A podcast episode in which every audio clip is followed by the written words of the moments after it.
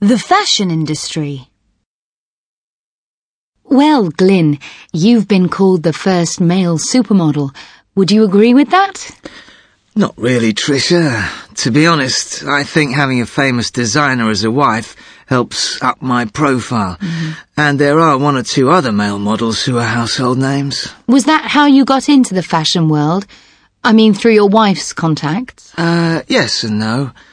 I was working as a catwalk model when I met Regina here in Milan. She was showing her latest collection. And I'd already done bits and bobs of catalogue stuff, uh, but it wasn't until we got it together that I started appearing in fashion magazines like Vogue and Vanity Fair. Mm, so it has helped then. Oh, definitely.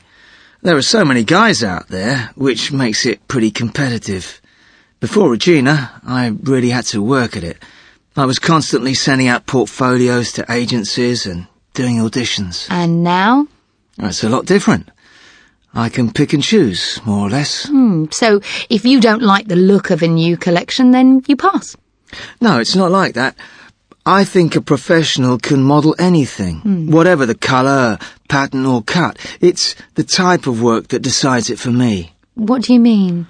Um, I don't do show seasons anymore. I've been sticking almost exclusively to print work. And I hear you are planning a career change. Yes, yes, it's true. Regina and I are setting up our own agency, so if you fancy a job as a scout, Trisha, just let me know. It's a competitive business. yes, we know. But we're going to be a bit different in terms of what type of model we're looking for. In what way? We're trying to get away from the stereotypical physical characteristics. You know, uh, the men have to be between six foot and six two, jacket size 40, 42, the women over 5'10 and very slim or even skinny, uh, that type of stuff. Sounds great, but can shorter models really make it in the business? I mean...